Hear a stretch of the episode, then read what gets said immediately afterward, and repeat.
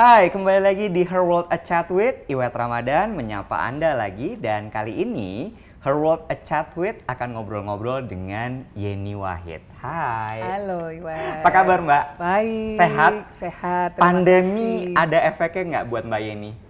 Ada. Ada. Efek positif, negatif juga pasti ya semua Iya. orang. Tapi positif juga banyak. Kita negatifnya dulu Mbak, biar orang-orang ngerasa bahwa oke we are in the same page gitu. Iya. Nah, pertama tentunya penghasilan jauh lebih menurun. Aren't we all? yes. Jadi semua mengalami ini ya? Mengalami, Iya, betul, iya, iya, betul, iya. gitu. Terus ada kayak stres-stres, depresi, apa gitu nggak sih? Saya kebetulan orang yang cukup optimis dalam melihat hidup. Oke. Mencoba mentren Iya, pikiran kita iya, supaya iya. berpikir lebih positif Iya, terus iya, gitu ya. iya. Jadi akhirnya fokus ke hal yang positif aja. Hmm. Positifnya adalah bisa lebih sering kumpul sama keluarga. Iya betul. Sekarang lebih berpikir tentang hidup sehat. Nah. Jadi lebih banyak meluangin waktu untuk olahraga. Iya, iya. Makan makanannya juga dijaga, banyak makan sayuran, rajin minum vitamin kan Iya. gitu. Lagi jemuran juga nggak kayak orang-orang gitu? Sering, Se- Sering jemuran, juga, benar, sering juga ah, jemuran ya. Betul. Di Oke. sebelahnya ikan asin juga jemur.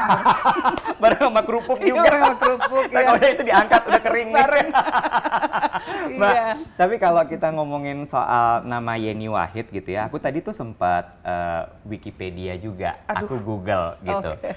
Ternyata eh, perjalanannya perjalanan hidupnya Mbak Yeni eh, atau karir gitu juga itu juga cukup panjang ya, mulai dari eh, kuliah Iya. itu tiga kali ganti jurusan, Eh, eh dua kali, satu psikologi UI, Uh-uh. lalu ke desain komunikasi visual Trisakti. Iya. Lalu kemudian Harvard Iya. ambil eh, apa public Ad- administration. Yes, ilmu pemerintahan. Ilmu betul, pemerintahan. Iya. Yang UI itu nggak saya ambil, Oh, saya enggak? keterima. Oh. Saya keterima di UI. Terus? Ah, ah. Heeh. Tapi sebelumnya tidak keterima di ITB.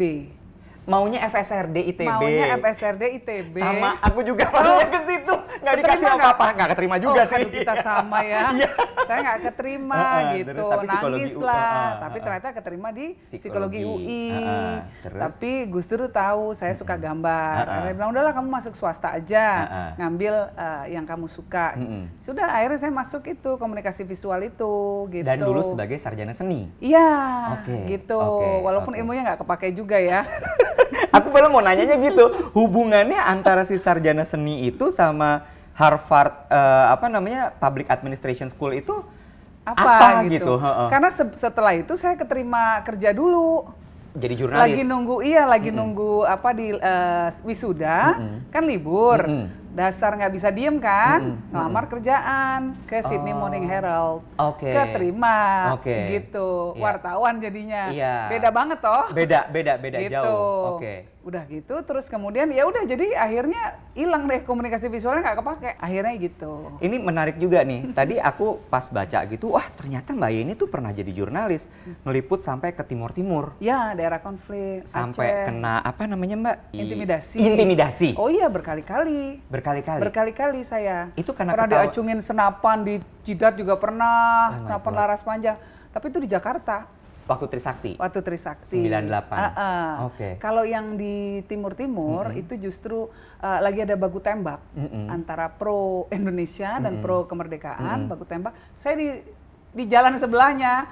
Wah, langsung lari gitu ya, lari. Terus kita sembunyi berlindung di balik mobil. Ah, ah. Waktu itu saya sama wartawan CNN berdua gitu. mm, mm. Eh kaca mobil lo pecah cedor. Aduh, lari lagi gitu. Gitu-gitulah. Itu tegang banget loh. Tegang banget. Terus Tegang banget dan apa namanya? Sempat juga kemudian eh, saya masuk ke daerah-daerah yang sebetulnya masih aksesnya masih agak susah gitu ya. ha. Dan kita dihadang oleh beberapa aparat kayak Ha, gitu-gitu ha. ya. itu nggak ada Jadi- takutnya loh Mbak. Dan kemudian Dulu nggak waktu- takut, sekarang kalau disuruh gitu takut ya. itu pengaruh karena udah nikah dan punya anak nggak sih? Betul banget. punya tanggung Sekarang- jawab soalnya. Penakut berat. Nggak berani, lagi ya, nggak lagi, nggak kayak lagi. gitu-gitu ya. Ha-ha. Nah, kemudian juga dari jurnalisme itu kan sampai dapat award juga ya Mbak ya, Ya, tulisannya ya. Iya. Aku tuh yang ingin aku tanyain gini, apa pendapatnya Mbak Yeni tentang jurnalisme di Indonesia saat ini? Apalagi jurnalisme digital. What do you think? Ah, sekarang ini berbeda sekali ya eranya dibandingkan era saya gitu ya. Sekarang mungkin dengan ah, flow of information yang begitu cepat. Sekarang kan orang terbanjiri dengan informasi, kadang-kadang tidak sempat me, eh, standar akurasi itu menjadi jauh lebih rileks dibandingkan zaman saya. Hmm. Zaman dulu itu kita harus fact apa namanya persis, banget ya, faktanya terus dicek dan recheck, terus harus cover both sides, lah segala macam. Itu boleh prinsip betul-betul harus diikutin Iya. banget gitu ya. Iya, iya. Nah, kalau sekarang saya melihat ada beberapa yang agak lebih rileks, tidak mengikuti itu gitu dan lebih cenderung sensasionalis. Ya. Antara judul sama konten sama isinya kadang berbeda, nggak nyambung. Clickbait. Clickbait Eh, eh, banget eh, gitu. eh, eh, eh. Jadi akhirnya itu kan menurunkan kualitas jurnalisme sendiri. Hmm. Jadi masyarakat jadi skeptis kadang-kadang gitu dan juga ada akhirnya menimbulkan masalah karena masyarakat kadang mudah sekali percaya pada hal-hal yang tidak faktual. Nah, itu dia. Nah itu terus hoax segala macam hoax Iya. dipercaya juga. Iya, iya, iya. Nah Gemes nggak sih Mbak? bukan gemes lagi, apalagi sering jadi korban. Iya, sekarang. itu dia. Karena kan sebagai sebagai praktisi, maksudnya pernah menjadi jurnalis. Iya. Jadi kan kayak ini nggak gini loh caranya. Betul. Mereka bisa cuma ngutip dari Instagram. Betul. Betul. Kalau masih ngutip tuh masih mendingan ya, Iya. ada source gitu ya. Iya, iya, iya. Ini kan kadang-kadang nggak ada, nggak ada nggak ada apa fakta yang mendukung sama sekali, bahkan Hmm. tidak ada kalimat yang diucapkan gitu ya oleh si orang yang katanya dijadikan sumbernya, Iya. tapi bisa jadi judul. Saya pernah beberapa kali jadi korban. Jadi Wahid begini-begini, kapan gue ngomongnya, gitu kan? Terus gimana cara menyikapi itu kalau kalau Mbak Yeni? Kalau saya, saya lihat dulu. Eh, Kalau saya langsung bikin bantahan. Hmm. Saya tidak pernah mengucapkan gini, gini, gini, gitu ya. Kalau yang tahu siapa, misalnya dari media mana, saya akan komplain resmi, Langsung. gitu, langsung, gitu. Dilayangkan surat kepada uh, Iya, pemimpin redaksinya. Iya, betul, gitu. iya, iya, iya, minta iya. mereka retract atau minta mereka bikin klarifikasi. Ah, Gitu. iya. Jadi- tapi itu bahaya sih ya Mbak ya, Bahaya memang bener ya. banget. Iya. Berita kalau udah nyebar, Apalagi digital seperti sekarang. Betul. Screen capture, lempar di Betul. WhatsApp grup, betul, betul. kelar. Betul makanya. Nah biasanya kalau kayak gitu eh, kan kadang-kadang terus teman ada yang cross check lu ngomong gini, enggak pernah. Iya. Oke lu, gue bantu klarifikasi. Nah teman-teman akhirnya bantu klarifikasi Iya, juga iya, gitu. iya. Ini kan emang zaman digital ini segala sesuatunya cepat ya Mbak ya. Terus aku ngelihat juga eh, bahwa Mbak Yeni pernah sekolah di Harvard, kuliah di Harvard, ambil ilmu politik, public administration itu tadi, dan pernah menjadi staf khusus presiden. Mm-mm. Waktu di zaman almarhum Gus Dur menjadi eh Eh, eh, Gus Dur ya, Gus Dur kan? bantuin. Tapi nggak digaji kalau Gus Dur. karena kerja kerja sukarela. Kerja suka. Waktu di zaman Pak Gus Dur iya, di zaman Pak SBY juga. Betul. Dan itu adalah ngomongin soal komunikasi ya. Iya, Khusus di bidang politik. iya. Boleh ceritain nggak sih Mbak? eh staf khusus presiden bidang komunikasi politik itu pekerjaannya apa? Ya, menjalin komunikasi dengan semua stakeholders yang terkait ya, seperti misalnya? menyangkut kebijakan publik, gitu ya. ya, misalnya dengan anggota DPR, dengan masyarakat, dengan uh, pemimpin-pemimpin informal dan formal di masyarakat. Intinya membantu presiden ya untuk uh, mensosialisasikan tugas-tugas apa amandat dan amanat yang Ya. diterima oleh presiden, kebijakan pemerintah seperti apa gitu. Intinya begitu. Oke, oke. Nah. Kita balik dulu soal eh, Gus Dur dulu. Ya. Memori yang paling Mbak Yeni ingat bersama Gus Dur tuh apa? Banyak ya, tapi memori saya uh, malah justru ketika saya SMA. Mm-mm. Waktu itu uh, saya tuh suka iri sama teman-teman saya yang suka gelendotan ke bapaknya. Sementara bapak saya itu pertama beliau orang Jawa, Iya, kedua dibesarkan dalam tradisi pesantren. iya, Jadi ekspresi cinta tidak diungkapkan secara fisikal iya. ekspresi kasih sayang ya gitu ya. Nah, tapi saya iri sama teman-teman saya, Pingin. banget gitu, bisa enak banget sih gelendotan. Heeh.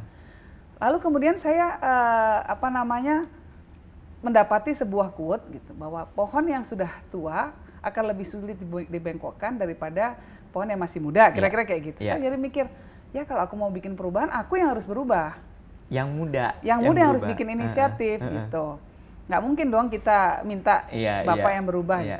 Jadi akhirnya saya pikir, oh, saya harus nyoba nih sendiri. Nah, heeh, suatu hari bapak lagi duduk di sofa, heeh, saya di sebelahnya, heeh.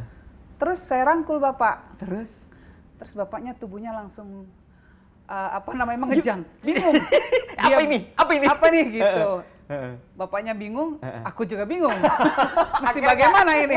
Akhirnya cuma begini, enggak begini doang. Begini lama kaku, berdua kaku gitu. Tapi terus berapa menit, akhirnya beliau, oh cuma begini doang gitu kali. Oh nggak ada apa-apa yang lainnya. Oke deh. Jadi lebih rileks bapaknya. Begitu rileks, barriernya itu sudah runtuh secara psikologis. itu di SMA tuh. Itu di SMA. Ah, Jadi titik psikologisnya ini apa namanya runtuh jadinya, nggak apa-apa. iya. Saat itu aku mau gelendotan juga nggak apa-apa. Pengalaman dampingin Bapak sebagai presiden, aku tuh kadang suka mikir gini ya, presiden tuh hidupnya pasti berat banget ya. Wah. CEO perusahaan itu udah berat, apalagi Yes. presiden. Yes. Presiden tuh bukan perusahaan mungkin cuma 500 orang, 1000 orang. Ya. Ini 100 juta, 200 juta yang yes. ditanggung. Bapak tuh pernah kayak curhat nggak sih? Ya sering lah. Sering. Sering. Curhatnya tapi nggak ini. Gus Dur kan salah satu kekuatannya lewat humor.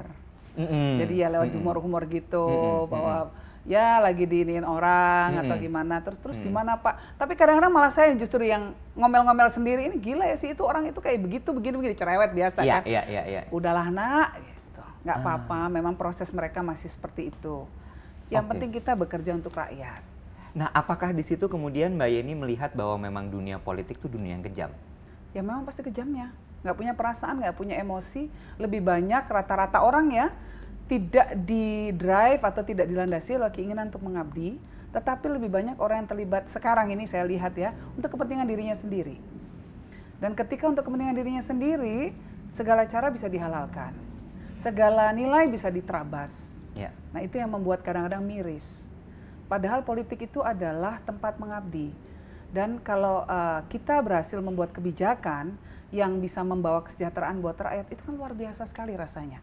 Hidup kita jadi bermakna. Hmm. Kalau saya kan uh, dididiknya seperti itu, Iya. ya.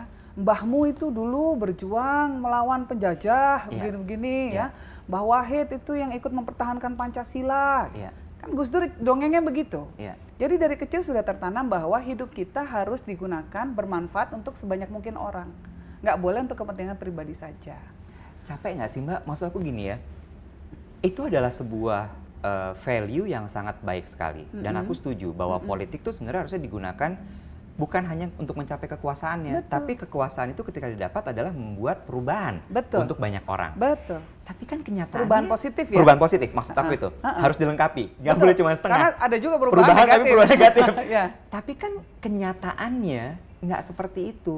Nggak semua orang punya keyakinan seperti itu. Nah itu gimana Mbak? Ada orang yang ingin eh, berkuasa hanya karena ingin berkuasa, Betul. karena bisa mendapatkan harta yang lebih banyak, bisa mendapatkan kekuasaan, Iya. bisa sewenang-wenang dan Iya. lain sebagainya, Iya. gitu ya. Mm-mm. Nah, kalau sudah seperti itu ya kita tetap harus mengabdi. Menurut saya ya, Mm-mm. uh, kita tetap harus berusaha untuk kebaikan bangsa dan negara. Hmm. Kan banyak sekali masalah di masyarakat kita yang harus dibenahi. Iya. Artinya kita tetap nggak boleh berdiam diri. Hmm. Nah, saya sekarang jadi ibu, Mm-mm. itu uh, keyakinan saya uh, untuk berjuang bagi masyarakat lebih kental lagi. Hmm. Kenapa? Karena saya ingin agar anak saya ke depan nanti Hmm. kualitas hidup dalam konteks bernegara ini lebih baik. Hmm. Saya ingin agar uh, waktu nanti anak saya lebih dewasa gitu ya, Iya. korupsi di Indonesia udah lebih menurun. Hmm. Pelayanan publik jauh lebih baik. Iya. Kualitas udara juga lebih baik. Iya. Sungai kita lebih jernih. Iya. Itu semua bisa dihasilkan kalau pemerintah sekarang sampai nanti Mhm. membuat kebijakan-kebijakan yang bisa menghasilkan itu semua. Jadi saya merasa kalau saya memperjuangkan banyak hal ya tentang kelestarian lingkungan dan lain sebagainya, Hmm. itu untuk anak saya ke depan kualitas hidupnya jauh lebih baik nanti ke depannya. Termasuk yang diperjuangkan lewat Wahid, eh, Wahid Foundation. Right Foundation betul. Kesetaraan, pluralisme, Yes, toleransi, toleransi, Iya. apa kesejahteraan. kesejahteraan. Oke. Saya ingin dong anak saya nanti hidup dalam uh, Indonesia ya, dalam uh, kehidupan berbangsa dan bernegara yang lebih rukun. Ya. Orang nggak konflik karena agama, orang nggak konflik karena suku, Iya. orang bisa produktif, Iya. anak-anak sekolah bisa belajar dengan tenang, Hmm, kreativitas dipacu dan lain sebagainya. Hmm, hmm. Nah, itu kita semua harus menanam pondasi nih. Sekarang, inilah ini, berjuangnya. ah, gitu. Kita flashback sedikit. Yes. Waktu kecil Mbak Yeni itu kayak apa sih? Dididik sama Gus Dur? Pertama saya tuh dulu cengeng banget katanya ibu saya. Kedua saya tuh senangnya gambar mulu, males belajar. Oke. Nilai fisika saya tiga. Serius Mbak? Serius? Tiga bener? Iya, makanya ibu saya nggak percaya masuk ke Harvard. Perasaan nilai lu jelek banget tiga. gitu ya kan? Iya. Terus? Jadi penuh dengan kegagalan-kegagalan Eh, eh, gitu eh, ya. Terus? Terus penghayal gitu. Eh, bintang Ya. apa sih Mbak? Bintang Scorpio. Oh Scorpio, oh iya bener. bener, Ah, terus Sio ya, oke. macan. Sio macan. Agak galak dikit. Iya, iya, tapi dalamnya sebenarnya lembut. galak. Dalamnya sebenarnya lembut banget kan. tampang Melo. rambo, Iya, hati rinto. rinto. Iya. Oke, Jadi uh, nilai nilai waktu itu senengnya cuma gambar, iya, menghayal iya. gitu ya. Tapi juga mungkin saya orangnya gampang tersentuh, Mm-mm. gitu ya. Jadi uh, apa namanya? Kita kadang-kadang melihat flashback ke belakang, terus kemudian melihat bahwa oh proses yang kita jalani ternyata mengantar kita pada suatu hal yang sedang kita jalani pada saat ini, gitu ya.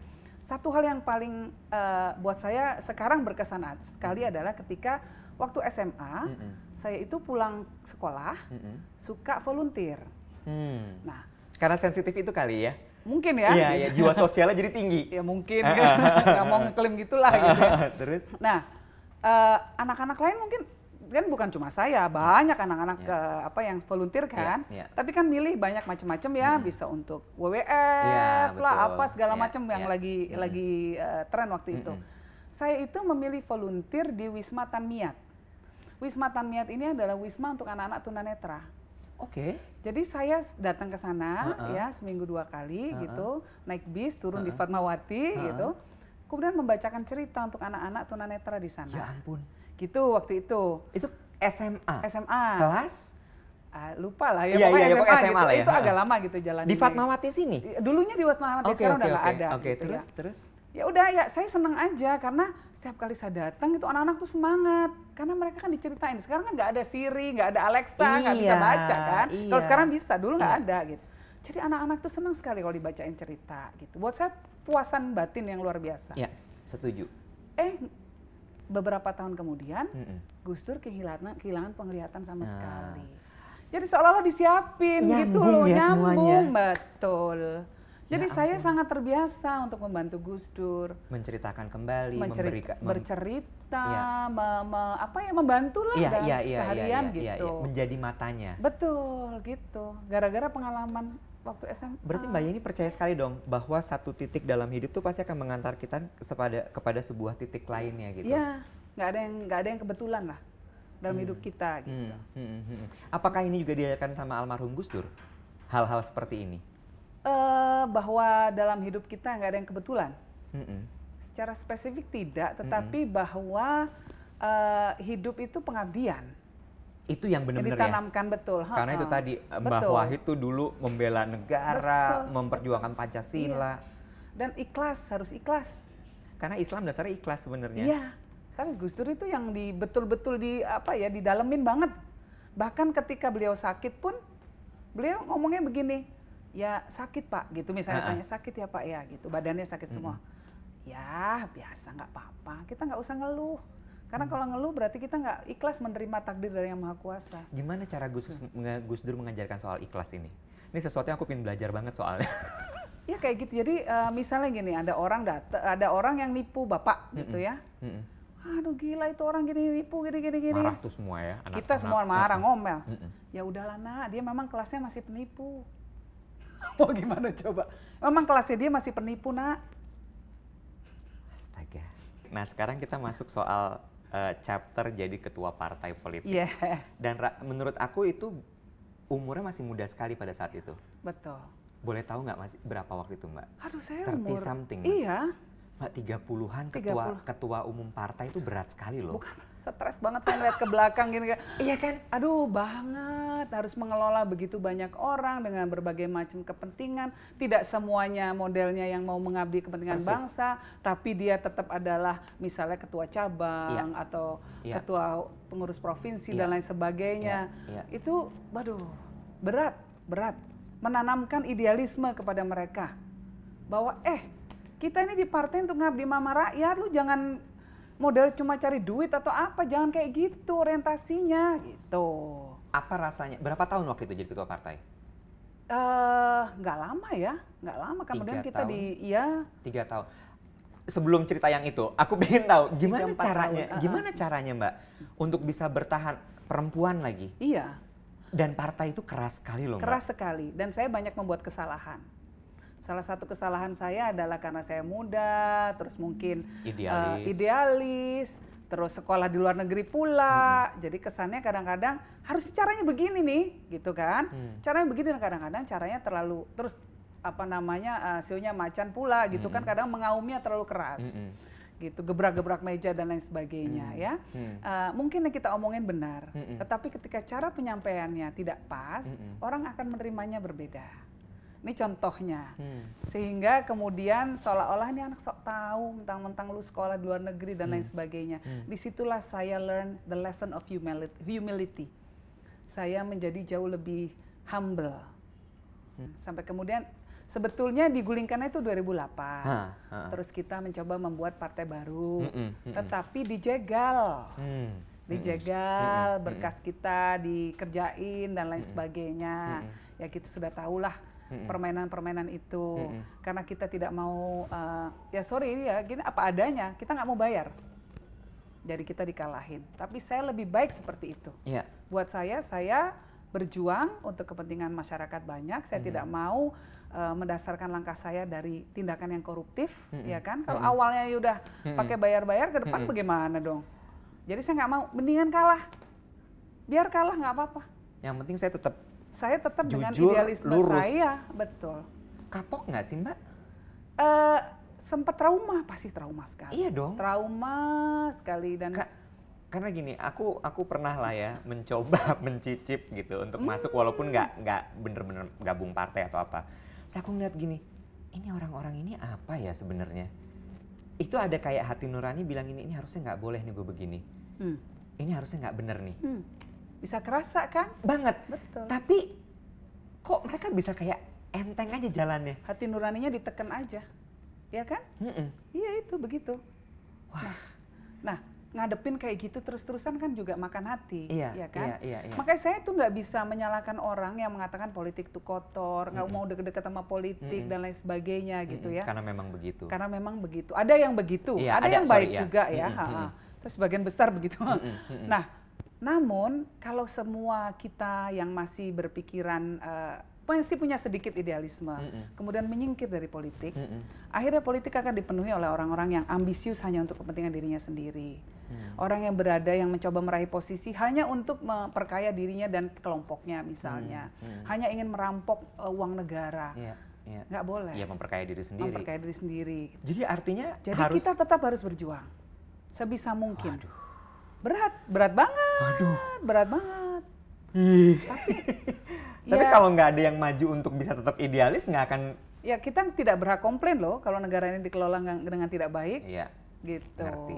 Andai kata nih eh, yang nonton eh, chat with eh, Yeni Wahid hari ini ingin masuk dunia politik. Ya, Pesannya Mbak Yeni apa sih? Apa yang harus dipunya ketika kita mau masuk dunia politik?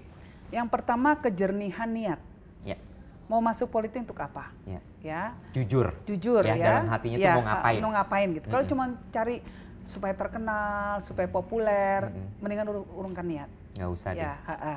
karena capek itu pasti nanti. Mm-mm. Yang kedua, eh, jangan masuk politik untuk memperkaya diri sendiri. Hmm, Itu. hmm. Jadi karena kalau kita jalannya bener malah sebenarnya tekor. gitu ya, sebisa Iya. mungkin harus selesai dengan dirinya sendiri dulu. Ah, gitu. iya, ya. iya. Yang ketiga harus sabar. Hmm. Sabar. Kita ini mencoba mengarahkan orang. Ibaratnya gini deh, kita ini lagi rame-rame mau jalan ke hutan, Mm-mm. membimbing satu kelompok orang. Mm-mm. Ada yang, aku mau duduk dulu capek. Mm-mm. Ada, eh, kita buruan dong. Ada yang begini, ada yang mau begitu. Mau pipis dulu, mau apa? Kepentingannya banyak banget. Nah kita harus mampu nih menghimpun semua orang ini dalam satu barisan yang tetap rapi. Kita tetap jalan, tetap produktif. Yuk kita cepet jalan. Kalau enggak ini keburu matahari tenggelam, kita bisa kesasar dan lain sebagainya. Pemimpin kan susah banget. Iya. Orang maunya banyak banget. Nah, Iya, iya. ya harus sabar. Semuanya memang harus dideketin ya, di, diberikan pemahaman, tujuan bersama harus dipahami dulu. Itu semacam kayak kaset rusak ya Mbak? Ngulang terus ini Iya. terus diingetin, Iya. terus diingetin, Iya. terus iya kayak Iya. gitu aja. Iya, ya kayak orang tua. Iya. Setuju nggak sih kalau kalau jadi politikus itu eh, agak mirip seperti treatmentnya kayak selebriti? Gimana maksudnya? maksudnya tuh gini, aku nggak tahu ini yang, yang aku lihat ya. Iya, iya. Satu adalah popularitas, Aha. karena ketika dia dapat popularitas maka orang akan ngeh, lalu orang akan vote buat dia. Oke. Lalu kemudian yang kedua adalah ada gimmick-gimmick yang suka dilakukan, Mhm. gitu. Untuk meraih popularitas. Iya, iya, yes, iya. yes. Itu sama satu lagi aku ngeliat gitu ya, kayak ketika mereka bikin foto profil, Hmm. misalnya mau jadi anggota DPR atau apa kan, Iya. fotonya tuh dibikin yang bagus sekali. Terus kemudian image-nya tuh di-create dengan sangat sempurna. Iya. Instagramnya, kayak zaman sekarang Instagram soalnya Iya, kan. iya benar. Bener nggak sih Pakai seperti filter itu? semua. Pakai filter semua. Iya. Saben dia Terus di di slim slimming. Iya. Facetune, pakai Facetune. Guilty. Saya juga melakukan itu. Iya. Makanya paham. Iya, makanya paham Nggak, banget. tapi bener nggak sih seperti itu bahwa citra, image itu memang sangat penting sekali untuk menjadi seorang politisi. Pasti. Tetap ya. Karena orang kan belum kenal. Hmm. Jadi dia harus dia mau jualan apa? Dia jualan image dulu. Semua orang akan jualan image. Hmm. Hmm. Gitu. Jadi Cuma balik lagi ke jujur dulu tadi niatnya Iya. jernih mau apa. tapi image itu hanya buka pintu loh. Hmm. Hanya akan buka pintu aja. Mm-mm. Oh, gitu ya. Oh ada si dia nih. Ah, ide ide seperti apa? Nanti orang akan lihat karya. Mm-mm. Ini contohnya gini, ada orang kepala daerah, Mm-mm. dia udah dari ketika dia bikin kampanyenya, dia bagus banget citranya terbangun dengan bagus, sempurna semuanya, gitu ya. Orang jatuh cinta Orang dia. jatuh cinta, orang vote dia, Mm-mm. jadilah dia bupati, let's say Mm-mm. gitu ya. Mm-mm. Kalau lima tahun dia menjabat dia nggak berkarya, Hmm. mau nyalon lagi, Hancur. mau citra kayak gimana, mau Instagramnya paling perfect gitu, nggak akan bisa. Semuanya pada akhirnya akan karya. Ya. Tapi kalau orangnya misalnya ya tampangnya emang jelek, mau di Instagramin filter kayak apa juga udah jelek, Udah nggak bisa diapa-apain. bisa diapa-apain. Tapi karyanya luar biasa. Dirasakan masyarakat, kesejahteraan masyarakat Dampak. meningkat, dampaknya jelas, anak-anak bisa sekolah lebih baik dan lain sebagainya di daerahnya. Mhm. Uh, dielulukan banget. Approval ratingnya pasti tinggi sekali. Tuh. Kita sekarang balik lagi chapter berikutnya adalah komisaris Garuda. Ya. Kita tahu bahwa pandemi ini eh, membuat beberapa bisnis tuh kacau. Katanya yang salah satu akan eh, apa namanya ke, eh, baliknya tuh lama adalah pariwisata sama Yes. airlines. Betul. Gitu ya. Ya. Apa aja yang Mbak Yeni lihat dan mungkin sudah diberikan saran kepada Garuda sebagai seorang komisaris? Jadi gini, Garuda ini memang punya penyakit ya. Yang sekarang ini dengan adanya pandemi ini ada penyakit yang akut ya, Yeni karena ada virus baru. ya. memang ya apa adanya. Yang kedua, ada penyakit kronis. Iya, iya, Ya iya. kan? iya. Virus Kan baru bukan- ada, kronisnya ada. Iya. Sudah Jadi menahun. Komorbidnya gitu ya, Comorbid. penyakit bawaannya sudah Ah, ada ya. ah. Penyakit bawaannya dulu kan ya kita sama-sama tahu lah masyarakat sama-sama tahu ada masalah korupsi dan lain sebagainya Iya. gitu ya. Lalu kemudian biaya yang terlalu tinggi. Hmm. Garuda itu komponen biayanya itu yang besar-besar ada beberapa. Yang satu itu leasing pesawat, nyewa pesawat. Hmm. Iya. Lalu kemudian biaya operasional aftur dan Iya. lain sebagainya sama biaya gaji Iya. karyawan Iya. ya yang ribuan jumlahnya gitu. Nah, biaya leasing pesawat ini besar banget. Mhm. Dan untuk Garuda dibandingkan dengan airlines lain, Mhm. kita paling tidak efisien. Hmm. Kenapa? Mm-mm. Cost structure kita untuk Mm-mm. leasing itu 24 persen. Garuda itu. Sementara bandingkan sama SQ. SQ itu cuma satu persen dari cost structure dia hanya untuk leasingnya. Sangat efisien. Bayangin 24 persen sama satu persen. Jauh banget. Jauh banget. Dan itu kalau dirupiahin gede, eh kalau di nominalkan gede sekali jadinya. Oh, besar sekali, triliunan. Hah. Nah, jadi eh, apa namanya ini akibat dari ya zaman dulu. Ya. Apa Kesalahan dulu lah. Hmm. Ya, kontraknya yang mungkin tidak pas ya karena di- didorong didorong oleh keinginan-keinginan yang Hmm, tidak untuk kepentingan perusahaan lah kira-kira gitu ya. Jadi harga leasingnya tinggi sekali. Hmm. Nah, saat ini kita sedang mencoba melakukan renegosiasi dengan para lessor. Ah. Nah, memang agak berat. Dulu ketika kita mau negosiasi, lessor itu memang selalu punya posisi tawar yang lebih baik. Iya. Mereka akan kemudian mengatakan, ya udah gue ambil nih pesawatnya, lu kalau rewel-rewel gue ambil pesawatnya. Iya, ngancam. Momennya pada saat ini, Hmm. karena lagi COVID, pesawat tidak terbang, airlines lain juga pesawat nganggur, nganggur banyak banget gitu. Hmm. Nah kita ingin memanfaatkan momen ini untuk melakukan negosiasi Iya. gitu. Semua hampir semua saya rasa ya. Iya. Dan uh, kita tentu minta dukungan dari masyarakat Indonesia agar ne- negosiasi ini bisa berhasil. Salah satu proses negosiasinya yang Hmm. sedang kita lakukan adalah mengembalikan pesawat-pesawat kita yang tidak terpakai, Ah. yang tidak efi- efektif untuk kita pakai, Iya. gitu karena jenisnya dan lain sebagainya. Hmm. Itu kalau mampu kita kembalikan ada sekitar 30 pesawat ya jumlah Iya. eh, ada Bombardier dan ATR. Itu eh, kita bisa menghemat sekitar eh, sebulannya ya. Iya. Sebulannya itu 20 juta dolar. Wow. Gede kan? Banget. Banget. Sebulan. Kebayang kalau misalnya setahun. Hmm. 20 juta itu 250 M sendiri. Iya. Hmm. Wow. Gitu. Jadi ini berarti efisiensi, efisiensi, efisiensi dulu nih sekarang yang dilakukan. Iya. efisiensi, terus uh, cost cutting tentunya hmm. gitu ya. Hmm. Uh, kemudian permajaan macam-macam lah ya. Hmm. Uh, kita lihat costnya yang sebetulnya tidak perlu dilakukan uh, kita potong semua. Gitu. Hmm. Banyak hal yang kita lakukan saat hmm. ini gitu. Saat ini kan orang memang nggak nggak mau terbang hmm. ya karena situasi yeah. ketakutan dan lain yeah. sebagainya. Yeah. Padahal sebetulnya saya kemarin udah nyoba terbang. Hmm.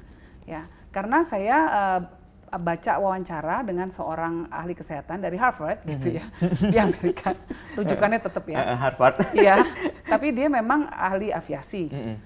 uh, dan ahli epidemiologi mm -hmm. jadi dia bilang sebetulnya di pesawat itu lebih aman karena ada HEPA filter HEPA oh. filter itu menyaring sekitar 99,97 persen partikel, yeah. bakteri, virus dan lain-lain, disaring dan dimatikan. Oh iya. Iya. Semua kan pesawat pesawat atau? Uh, saya nggak tahu kalau semua pesawat, tapi yang penting Garuda begitu. Itu udah udah terbukti ada gitu iya, ya? Iya, iya, okay. gitu. Ini manis loh promo colongannya. Garuda ada lah. Garuda ada kok. ada orang dari Wuhan, hmm. dia terbang ke Toronto. Ya. ya. Nah, sampai di Toronto baru ketahuan dia itu COVID. Oh no. Tapi selama penerbangan nggak ketahuan. Huh. Nah, tapi Ternyata penumpang yang lainnya hmm. yang terbang bersama dia nggak hmm. ada yang kena COVID sama sekali. Okay. Walaupun dia menderita COVID. Iya. Tahu nggak kenapa? Karena si itu bukan filter itu atau no? Karena dia pakai masker dan karena ah. filter. Jadi dua kombinasi tadi itu. Dia selama penerbangan selalu pakai masker. Jadi penting sekali peran masker. Hmm. Ini buat orang-orang yang nggak percaya dengan masker dan lain sebagainya, bilang ini hoax lah, konspirasi segala macam. Hmm. Aduh, udahlah. Iya. Yeah. Ini kan cuma pengorbanan kecil. Iya. Kalau gitu. aku menanggapi itu, aku cuma mikirnya gini, terserah deh ya, lu mau ngomong ini konspirasi, lu mau ngomong ini apa, lu nggak mau sakit kan? Exactly. Just put on your mask. Betul, betul. itu aja gitu betul. gitu kan? 4M katanya mm -mm, sekarang, mm -mm. memakai masker, mm -mm. membersihkan, uh, mencuci, mencuci tangan, tangan menjaga, menjaga jarak. jarak, dan menjauhi kerumunan. Iya. Itu, yeah. kita lakukan itu aja, yeah. makin cepat kita semua melakukan itu, makin cepat uh, apa namanya pandemi ini berakhir yeah. karena begitu virus ini tidak punya inang tidak hmm. punya sarang gitu ya dia nggak hmm. mencelok ke mana-mana hmm. makin cepat matinya tapi kalau makin banyak orang yang kena virus ini berarti karirnya kan banyak di mana-mana makin dia bisa multiply berkembang biak ke mana-mana kan gitu yeah. ini harus dicegah ini semuanya nah Tinggal itu butuh kita semua disiplin hmm. diri nih ya sekarang Betul. kuncinya ya betul kita masuk sedikit ke kehidupan pribadi ya mbak yeah. ya uh, I saw you as a very powerful woman. Oh. Ya. Wow. Kuat, strong, Aduh. powerful banget gitu. Di balik mungkin guyon hmm. gitu ya, hmm. terus agak relax, santai tapi nggak tetap uh, uh, strong gitu. Badak. Badak. Aku nggak ngomong loh. Cuman gini, um, pembaca kita uh, di Her World itu adalah banyak yang juga ibu bekerja. Ya. Ya. Andai kata mereka tidak bekerja pun di kantor, kita pasti mereka punya aktivitas. Ya dan dilema ibu bekerja itu adalah ketika mereka meninggalkan rumah, hmm. mereka kepikiran anak. Yes. Mbak Yeni mengalami itu juga nggak oh, sih? Oh banget. Saya mungkin di luar kelihatannya perkasa dan powerful. Ha. Begitu berhadapan dengan anak, aduh, udah deh air mata menetes semua deh. Oh iya. Iya. Apa yang Mbak yang paling dirasakan sebagai seorang ibu bekerja, berpolitik? Ya. Guilty feeling semua ya kayaknya anak ya? pasti ha -ha. dan ibu itu merasakan guilty feeling yang jauh lebih besar daripada bapak sorry to say ini aku bingung nih ya, gimana nih gimana nih suami saya lebih tidak ada beban uh -uh, ha -ha. karena uh -uh. dia tahu bahwa anak-anak akan diurus sama mamanya curang ya nah, jadi tapi guilty begitu, feeling masih ya iya. Hmm. jadi walaupun saya keluar negeri nih misalnya ya hmm. itu yang nyiapin uh, eh, PR tugas anak-anak tetap saya yang mantau dari sana tiap saya Serius? tetap saya mengkomando iya Oh iya. Tetap saya bilang ke suami, yang besok ada pertemuan sama guru, jangan lupa besok ke sekolah anak-anak karena dia tidak ingat. oh, jadi walaupun saya di luar negeri. Jadi ibaratnya gini, ini ini yang sering aku lihat dari teman-temanku juga yang ibu bekerja gitu. Jadi mau dia lagi posisinya apa pun, tetap tuh kalau ngangkat telepon, uh, ini udah belum, si ini udah dijemput belum, ini yes. udah belum, ininya udah diatur belum. Yes. Oke, udah beres ya. Yes. Dia mulai meeting lagi. Betul. Tutup telepon, selesai meeting dia telepon lagi. Yang ini tadi udah belum sih? Yes. Persis sama. sama. Semua ibu bekerja pasti begitu dan guilty feeling semuanya. Gitu. Nah, A jadi gimana uh, caranya hmm. me, me, apa namanya? berdamai. Berdamai dengan berdamai. guilty feeling tadi. Uh, saya membekali diri dengan informasi. Pertama, hmm. saya mencari apa, apa panduan hmm. ya yang pertama itu dan kemudian efek kalau hmm. anak terlalu sering ditinggal seperti apa hmm. misalnya gitu ya. hmm. jadi kita tahu efek psikologisnya kemudian kita harus melakukan apa untuk mengcounter hmm. kan gitu nah hmm. jadi lagi-lagi data dan ilmu pengetahuan susah nih cara susah nih ibunya anak Harvard ya ya stres anak-anak. Ngomongnya nggak bisa kayak uh, boleh nggak ya? Uh, yang santai aja boleh nggak? banget ya. Aduh. Pakai data semua. Ya. Oke oke. Okay, Terus jadi jadi cari dihimpun ilmunya semua. Ilmunya uh, baca buku sebanyak-banyaknya, tanya sama ahli gitu ya. Nah, yang paling penting dari situ semua saya simpulkan bahwa yang paling penting anak-anak itu punya quality time dengan orang tua. Ada momen-momen yang di mana kita bisa bonding. Hmm. Nah, saya punya momen-momen itu, hmm. sengaja mengkhususkan diri. Hmm. Misalnya apa? Saya masih dongengin anak-anak kalau malam oh, iya? sampai umur tertentu, iya. Oke. Okay. Gitu. Okay. Terus kemudian ada momen di mana mereka itu hari spesial mereka. Hmm. Anaknya tiga, hmm. jadi harus dibagi-bagi. Kan mereka juga rebutan. Oh, aku aku tahu nih teori ini. Hmm, gitu. Ada satu hari memang hanya si anak pertama, uh, anak kedua, anak ketiga. Iya, betul. Itu salah satunya begitu. Uh. Terus yang kedua uh, tidur ya, hmm. kelonin. Hmm. Baca cerita bareng. Hmm. Terus kemudian kalau anaknya udah mendekati remaja, hmm. ya siap jadi pendengar mereka. Bukan menjadi teman mereka tetapi siap menjadi uh, pendengar, menjadi support system untuk mereka, mengerti mereka sedang di titik apa. Bukan teman Bukan ya? teman mereka, kita bukan teman.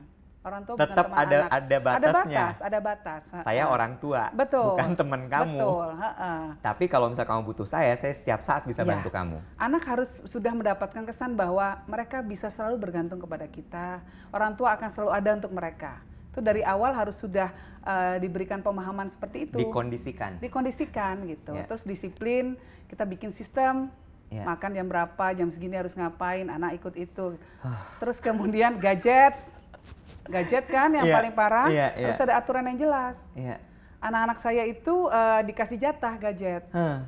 Jadi dikasih jatah dan kemudian di timer. Huh. Misalnya pakai apa namanya pakai iPad gitu uh -uh, ya. Uh -uh. Itu kalau timer, timer bunyi harus ditaruh dan your time so, is up gitu. Time is up. Mereka boleh mendapatkan bonus. Ah. Mereka they have to earn.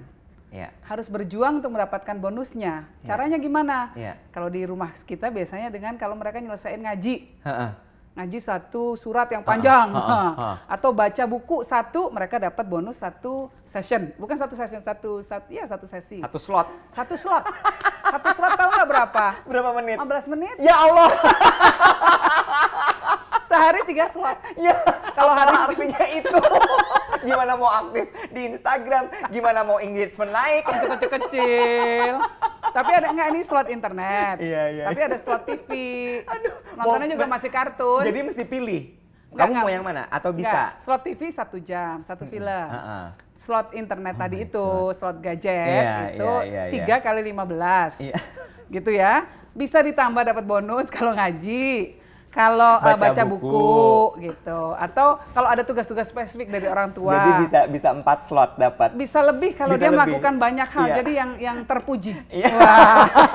tapi suami saya sangat hands on Oh iya, jangan salah ya. Jangan salah. Uh -uh. Dan dia sangat suka Walaupun memasak. Walaupun kita less guilt keluar dari yeah. rumah, tapi yeah. dia hands on. Dia lebih sangat suka memasak.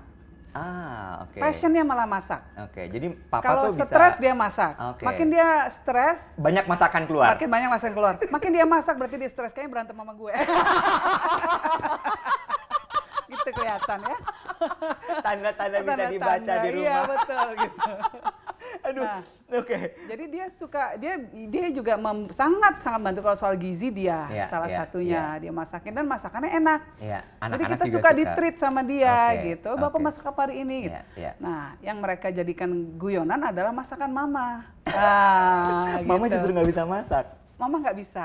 Mama nggak bisa terus santai. Mama nggak bisa. bisa. Mama atur-atur jago. Sudah tahu dari dulu, sudah tahu. Mama masak nggak uh, bisa. Uh, gitu. Ya biar papa aja. Iya dia suka gitu. Hmm, hmm. Walaupun bukan masak sehari-hari, iya, masak iya, iya. Uh, steak gitu ya, dia ya, uh, kayak gitu-gitu. Uh, sekarang lagi suka yang sehat-sehat, jus uh, apa campur-campur apa segala gitu. Anak-anak ini ikut sehat. Iya. Tapi ini uh, mengenai mengenai ibu bekerja lagi ada satu. Aku tuh suka ngobrol sama Ibu Dewi Motik. Oke. Okay. Ibu Dewi Motik itu kan kayaknya menurut aku adalah figur perempuan bekerja yang dari zaman dulu tuh yang udah berkarir, berorganisasi, iya. berkarir, pengusaha dan sebagainya. Anaknya juga sukses-sukses. Anaknya juga, Uh, betul. Terus kemudian eh, dia tuh selalu bilang sama temanku, temanku perempuan, kamu tuh di luar boleh jadi apa pun. Hmm. Begitu kamu kembali ke rumah, Mm-mm. tetap dia yang harus kamu hormatin, suami maksudnya. Oh iya. Seperti itu juga nggak? Ya, dan harus saling menghormati. Oke. Harus saling Iya, menghormati. betul, gitu. betul, Harus betul. saling menjaga, harus Iya. saling menghormati Iya. gitu ya. Dan eh, saya rasa hubungan suami istri yang baik itu adalah yang ketika dua-duanya mengerti hak dan kewajiban masing-masing Hmm, ya, hmm, hmm. dan kemudian bisa saling membantu masing-masing mengembangkan potensi diri Hmm. gitu. Hmm. Jadi suami saya tuh orang yang sangat suportif, saya sangat beruntung. Ya. Sangat beruntung, dia Ya. sangat suportif sekali. Ya. Mau ngapain aja gitu ya, silakan gitu. Hmm. Nah, eh, mau ke mana aja oke Ya. Gitu. Ya. Bahkan dulu ketika masih anak-anak masih kecil banget, Hmm. kalau keluar negeri itu eh, kita satu keluar negeri, satu di rumah. Selalu ada kesepakatan gitu. Oh iya? Iya. Kalau saya keluar negeri dia di rumah. Oh ini dalam tugas ya maksudnya ya? Iya, Bukan liburan saya- ya? Bukan, Ah, bukan ya, liburan. tugas. Pokoknya harus ada yang di rumah. ah, ah. Ah. Kalau dia keluar negeri, saya yang di rumah. Selalu gitu. Walaupun Hmm. dia kepengen banget, pengen ikut gitu. Aduh, aku nggak tega sama anak-anak yang udah nggak usah ya. Oke Hmm. gitu. Oke. Iya. Oke. Dan oke. tebak siapa yang lebih sering pergi? Mama. Mama. Nah, terus pas saya lagi masa menyusui, Heeh, ya, heeh. eh, dia yang tugasnya nyiapin asi kan kita tinggalin asi di Iya, rumah, iya, ya. iya. Saya pompa dulu asi sebanyak-banyaknya stok mm, gitu ya, seminggu gitu udah cukup nih untuk si bayi. Dia yang nyiapin. Wow. Nah, suatu hari pesawat saya delay. Heeh, Abis asinya. Wah, dia panik sepanik-paniknya untuk masih ada satu dua botol tersisa. Aduh. dia Jadi- ayah asi luar biasa lah. Jadi artinya memang kerjasama, teamwork itu juga sangat penting untuk dalam sebuah hubungan Iya, rumah tangga ya, iya, suami istri. Iya. Dan jangan lupakan hanya gara-gara ada anak-anak, jangan lupakan hubungan antara suami dan istri. Itu juga penting. Eh, eh. Iya, Kadang ada orang tua yang terlalu sibuk sama anak, fokusnya anak semua, Iya. pasangan terlupakan. Romantismenya nggak ada Nggak lagi. ada, oh, gitu. Jadi ini penting tetap harus dijaga. Dan karena memang semua hal itu di dunia ini memang harus diusahakan ya. Iya. Nggak bisa ada yang otomatis jalan begitu aja. Iya, iya, iya. Dan kita harus memberi juga. Kita nggak Iya. bisa cuma nerima aja. Kita cuma mengharapkan suami eh, ngerti kita atau Iya. istri ngerti kita tanpa kita berusaha ngerti dia juga. Iya, iya, iya. Semua orang punya bahasa cinta yang Betul. berbeda. Love language itu ya. Iya, gitu. Nah, kita harus bisa identifikasi dulu nih pasangan kita bahasa cintanya apa. Gitu. Ini Nah. bahkan sampai relationship dia ada Eh, critical banget thinkingnya loh. Harus gitu. Oke. Tapi begitu mengerti bahasa cinta masing-masing, hubungan tuh jadi lebih smooth. Awalnya saya nggak ngerti juga, Iya. Dan kemudian jadi nggak terpuaskan. Saya merasa bahasa cinta saya tidak dipenuhi. Hmm. Suami juga merasa begitu karena bahasa cintanya beda-beda. Mm-mm. Akhirnya Bahasa duduk cinta saya bareng. tuh ekspresi verbal. Ha-ha. Ya pengen lah kalau misalnya apa namanya Kata-kata I love you tuh sering I love you, keluar. Cantik deh kamu hari ini. Ah, uh langsingan ah, atau iya, apalah iya, gitu-gitu iya, iya. kan. Puja-puji. Itu penting gitu lah Penting. penyemangat. Iya. Kamu bisa kok yang kayak gini. Ah. Misalnya saya mau uh, speech yang penting banget. Ah, ah. You can do it. Iya. Kamu punya kemampuan ini gitu-gitulah Iya, betul iya, lah iya, yang iya, penyemangat iya, gitu iya. kan. Dia enggak. Nah, suami saya itu kan ganteng. Tinggi dan ganteng iya. ya kan? Iya, iya. Nah, suka muji dong. Heeh. Ganteng deh kamu yang. Heeh. Buat dia nggak penting. Bahasa cintanya bukan itu. Jadi saya kasih segala macam puji-pujian ya keluar aja dari kupingnya. Karena bukan itu dia. Bahasa Dia cintanya apa? dia adalah perbuatan. Makanya dia suka masak. Dia suka masak. Waktu Masakin saya orang tuh dia happy sekali. yes, melayani dia. Act of service. Yes. Waktu saya hamil, kalau saya mau pergi meeting di luar, Wah, di mobil disiapin sudah, semua. sudah ada potongan buah, sudah ada apa segala macam gitu. Ah. Itu ekspresi cinta dia. Ah. Saya nggak ngeh dong. Iya, iya. Dalam hati saya kan, ah, pembantu juga bisa. Ngajar kan, gitu kan. Awalnya kan nggak ngerti. Iya, iya, iya. Gitu Ternyata kan, awalnya nggak ngerti. Ternyata buat dia meaningful banget. Saya juga tidak memberi dia bahasa cinta itu. Nggak ngerti. Berarti dia sebenarnya Misalnya gini, juga? mengharapkan gitu. Oh. Uh, mau kopi yang gitu kan. Uh-uh. Misalnya saya nanya, Iya. iya mau. Udah seneng dong dia mau dibikin. Disiapin. Uh-uh, tapi uh, minta. Tetap gitu dia bilang, ya nggak tercapai bahasa cintanya. Ini usil banget ini. Nah awalnya Mama- begitu. Mama usil. Awalnya. Tapi sekarang begitu enggak. tahu, oh ya Oh, ampun, ya selama ini ampun. gua nggak bikinin kopi, selama ini gua nggak bikinin apa-apa, ternyata dia tidak terpenuhi bahasa cintanya gitu ya. Akhirnya ya udah jadi kadang-kadang kemudian kalau dia pergi dia pulang ke rumah gitu karena dia udah kecapean ketiduran kaos kakinya saya copotin Dia seneng tuh kayak gitu. Baju apa mau berangkat kantor pagi baju tuh udah disiapkan. nggak gitu begitu juga itu berlebihan. berlebihan. Mama juga ribet lagi. dia mau pergi misalnya di kopernya ada snack-snack kesukaan dia Ya, ya, begitu ya, dia ya. sampai di hotel di sana dibuka oh ada yang gue seneng suka tuh. nih oh dia langsung telepon makasih ya gitu perasaan gitu doang ya oke deh gampang gitu Oke oke oke. Terakhir, Mbak, ini ada satu eh, yang masuk ke CV-nya Mbak, nggak masuk di Wikipedia. yes Ini aku agak gini, kenapa ya ada di sini? ini kayak agak mencelat sedikit gitu. Ketua Federasi Panjat Tebing seluruh Indonesia. iya Baru jadi baru diangkat. Akhir tahun lalu eh, dipilih Mm-mm, melalui mm-mm. munas mereka Mm-mm, gitu mm-mm. Kenapa dan gimana ceritanya Ya. sama boleh diceritain nggak sih sama kita apa yang terjadi dengan dunia panjat tebing di Indonesia? Oke. Mm-mm. Eh, saya memang mungkin selama ini eh, dekat dengan dunia panjat memanjat ya, tapi lebih banyak panjat doa ya, bukan panjat tebing. Oke. Iya, terus nah, eh, kebetulan memang apa namanya dekat dengan atlet-atlet eh, berapa atlet panjat tebing dengan teman-teman pencinta alam ada beberapa gitu. Terus waktu Munas diminta untuk bantu, ini membantu, membantu memajukan olahraga panjat tebing serta juga tebing alam. Mm-mm. Nah, kebetulan Indonesia itu sedang uh, punya prestasi yang luar biasa. Oke. By the way, cielah. By the way, kita ini kemarin baru menang loh dalam masa pandemi ini. Atlet kita baru menang kejuaraan internasional mengalahkan atlet Rusia. Wow. Ya, Di masa pandemi. di masa pandemi. Jadi yang namanya IFSC, IFSC itu adalah Federasi Panjat Tebing seluruh dunia. Itu bikin uh, sebuah uh, kompetisi speed ya, speed speed uh, panjat tebing itu kayak ini. Spider-Man gitu kan? Yes, gitu. gitu. kan. Yes, gitu. Nah, bertandingnya di negara masing-masing, tapi di apa namanya di judge-nya secara oh, online, ngerti. ya kan? Jadi mereka kirimin datanya nih berapa menitnya apa segala nah, macam. ah, timernya harus standar dari mereka iya, dan lain iya, sebagainya, iya. alatnya semua Dan gitu. kita menang. Dan kita menang. Si nama atlet kita Rahmat Adi Rahmat dari Hebat Jawa banget. Timur gitu. Hebat banget. Keren banget. Nah, bukan cuma itu. Hmm. Tapi atlet Indonesia Iya. ya Ari Susanti Iya. itu bahkan pemegang world record. Oh iya. Yes, rekor dunia untuk speed, untuk kecepatan memanjat. Yang megang dia Wow. di kejuaraan di Cina. Itu Putri. Putri. Jadi eh, world record putri dipegang sama atlet Indonesia, Atlet Indonesia, namanya adalah Ari Susanti. Ari Susanti. Ah, ah. Sementara Yang atlet putra putranya kemarin, baru menang. Tapi bukan rekor ya, dia tapi Belum, mengalahkan. Suatu hari nanti harus kita ambil itu. Oh, luar biasa. Gitu. Oke, baik. Nah, kenapa saya mau ya? Karena melihat prestasinya luar biasa, membanggakan sekali gitu. Dan ini sekarang memang kan jadi sedang jadi tren dunia ya. Orang-orang sedang berubah ya minatnya dari olahraga lebih konvensional Iya. ke olahraga ekstrim, Iya. extreme sports gitu Iya, kan. iya. Jadi ini termasuk eh, kalau di Indonesia bahkan 10 olah- olahraga yang diprioritaskan untuk dibina. Hmm. Gitu. Apa harapannya Mbak Yeni dengan si panjat tebing ini? Ini nggak biasa banget loh soalnya Mbak. Kayak aku tadi pas baca gini, kenapa panjat tebing ya? Dan saya nggak bisa manjat loh. iya, saya takut makanya- ketinggian. Makanya itu nggak Iya. biasa gitu soalnya. Nah, yang kita membantu adalah memastikan bahwa prestasi atlet ini bisa maksimal, Hmm. ya. Pelatihnya bisa memberikan pelatihan yang paling baik Hmm. dan kualitas pelatih kita juga luar biasa. Pelatih kita tuh mau dibajak sama negara-negara lain Karena terbukti karena mereka terbukti berhasil. berhasil menggolkan uh, atlet-atlet yang dibinanya itu prestasinya luar biasa gitu Iya. ya. Nah, terus ini kan ekosistemnya harus dibangun Mm-mm. ya, uh, memastikan bahwa fasilitas harus aman juga ya.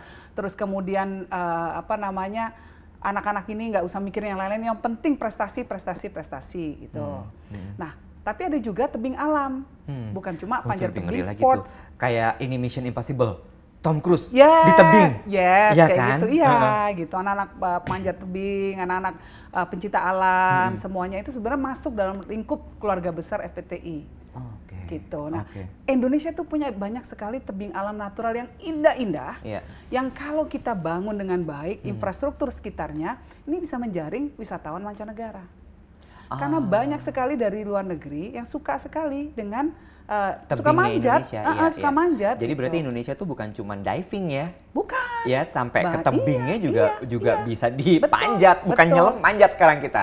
ada lembah harau, Oh. kartens. keren banget loh kayak kayak atlet kita itu sampai mau diminta jadi bintang iklan dari perusahaan-perusahaan Iya. internasional Iya, iya, kan iya. keren dia manjat kayak gitu Iya. dengan bayangin 6 detik manjat berapa meter ke atas nah kita Aku, boro-boro aku lagi gini sih, kayak pengen nyoba sih, tapi kayaknya ngangkat badan tuh berat banget berat loh. banget berat banget iya kan, itu Iya. latihan fisiknya harus ototnya otot mereka, banget iya, itu. iya. Oke.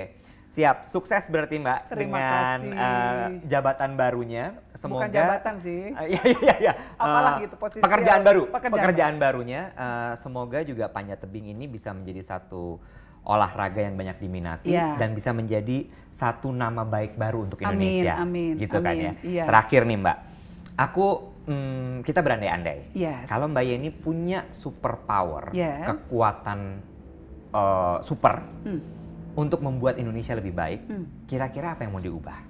korupsi perilaku koruptif Hmm. kalau bisa dihapusin ya Mm-mm. orang nggak korupsi lagi Mm-mm. waduh udah deh itu 99% persoalan hilang. Serius Mbak? iya. Segitu Iyalah. segitu fatalnya iya dong. korupsi ini. iya dong.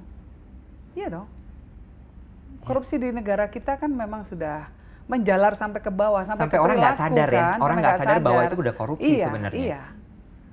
Kita nggak menghargai eh, apa orang lain. Itu juga dari sikap itu. Hmm. semuanya kesombongan lupa diri itu semua korup, perilaku korup- koruptif ya Hmm. mengambil hak orang lain Hmm. gitu Hmm. Hmm. konsekuensi dari tindakan kita untuk orang lain nggak pernah kita pikirkan. Untuk diri sendiri aja kita nggak diajarin bahwa ada konsekuensi dari semua perbuatan kita. Itu pendidikan ya Mbak? Pendidikan, pendidikan karakter di sekolah dan di rumah dan di masyarakat. Itu yang disebut sebagai reformasi mental harusnya. Harusnya tiga pilar pendidikan: Satu, keluarga, mm-mm, sekolah, dan mm-mm. masyarakat. Hmm. Nilainya harus selaras. Hmm. Hmm. Kalau dia nggak selaras, timpang satu. Hmm. Guru ngajarin baik, orang tua ngajarin beda. Ya. Ah, murid konflik di dalam si anak ini. Oke. Gitu. Mbak Yeni, terima kasih banyak untuk Panjang. obrolannya. Ini ini menarik sekali. Menurut aku mungkin nggak akan cukup kita ngobrol eh, cuman sehari bahkan bisa panjang banget. Belum lagi nanti koleksi buku. Aku bisa baca buku ini, aku baca Aduh. buku itu. Iya. Tapi dari obrolan yang eh, singkat ini, eh, aku sih pribadi dapat banyak sekali ilmu. Oh, Aku dapat banyak sekali you. apa pencerahan juga, mulai dari masalah leadership, bagaimana berpolitik, Hmm. terus kemudian juga bagaimana kita melihat Indonesia, Iya. sampai soal ibu, hmm. seorang istri, ibu, Iya. itu juga aku belajar dalam obrolan ini. Sukses terus ya Mbak, makasih. sukses terima terus, sehat kasih terus, masih banyak yang harus diperjuangkan sama Mbak Yeni. Bersama-sama. Dia nggak mau Bersama sendirian dengan loh. masyarakat Dia nggak mau sendirian. Nggak mau dong. Enak aja loh, gue berat banget. ya. Sukses terus. bareng-bareng, sama-sama. Siap. Terima thank kasih banyak. Mbak. Ya, terima kasih. Kita ketemu lagi di episode berikutnya ya. Bye.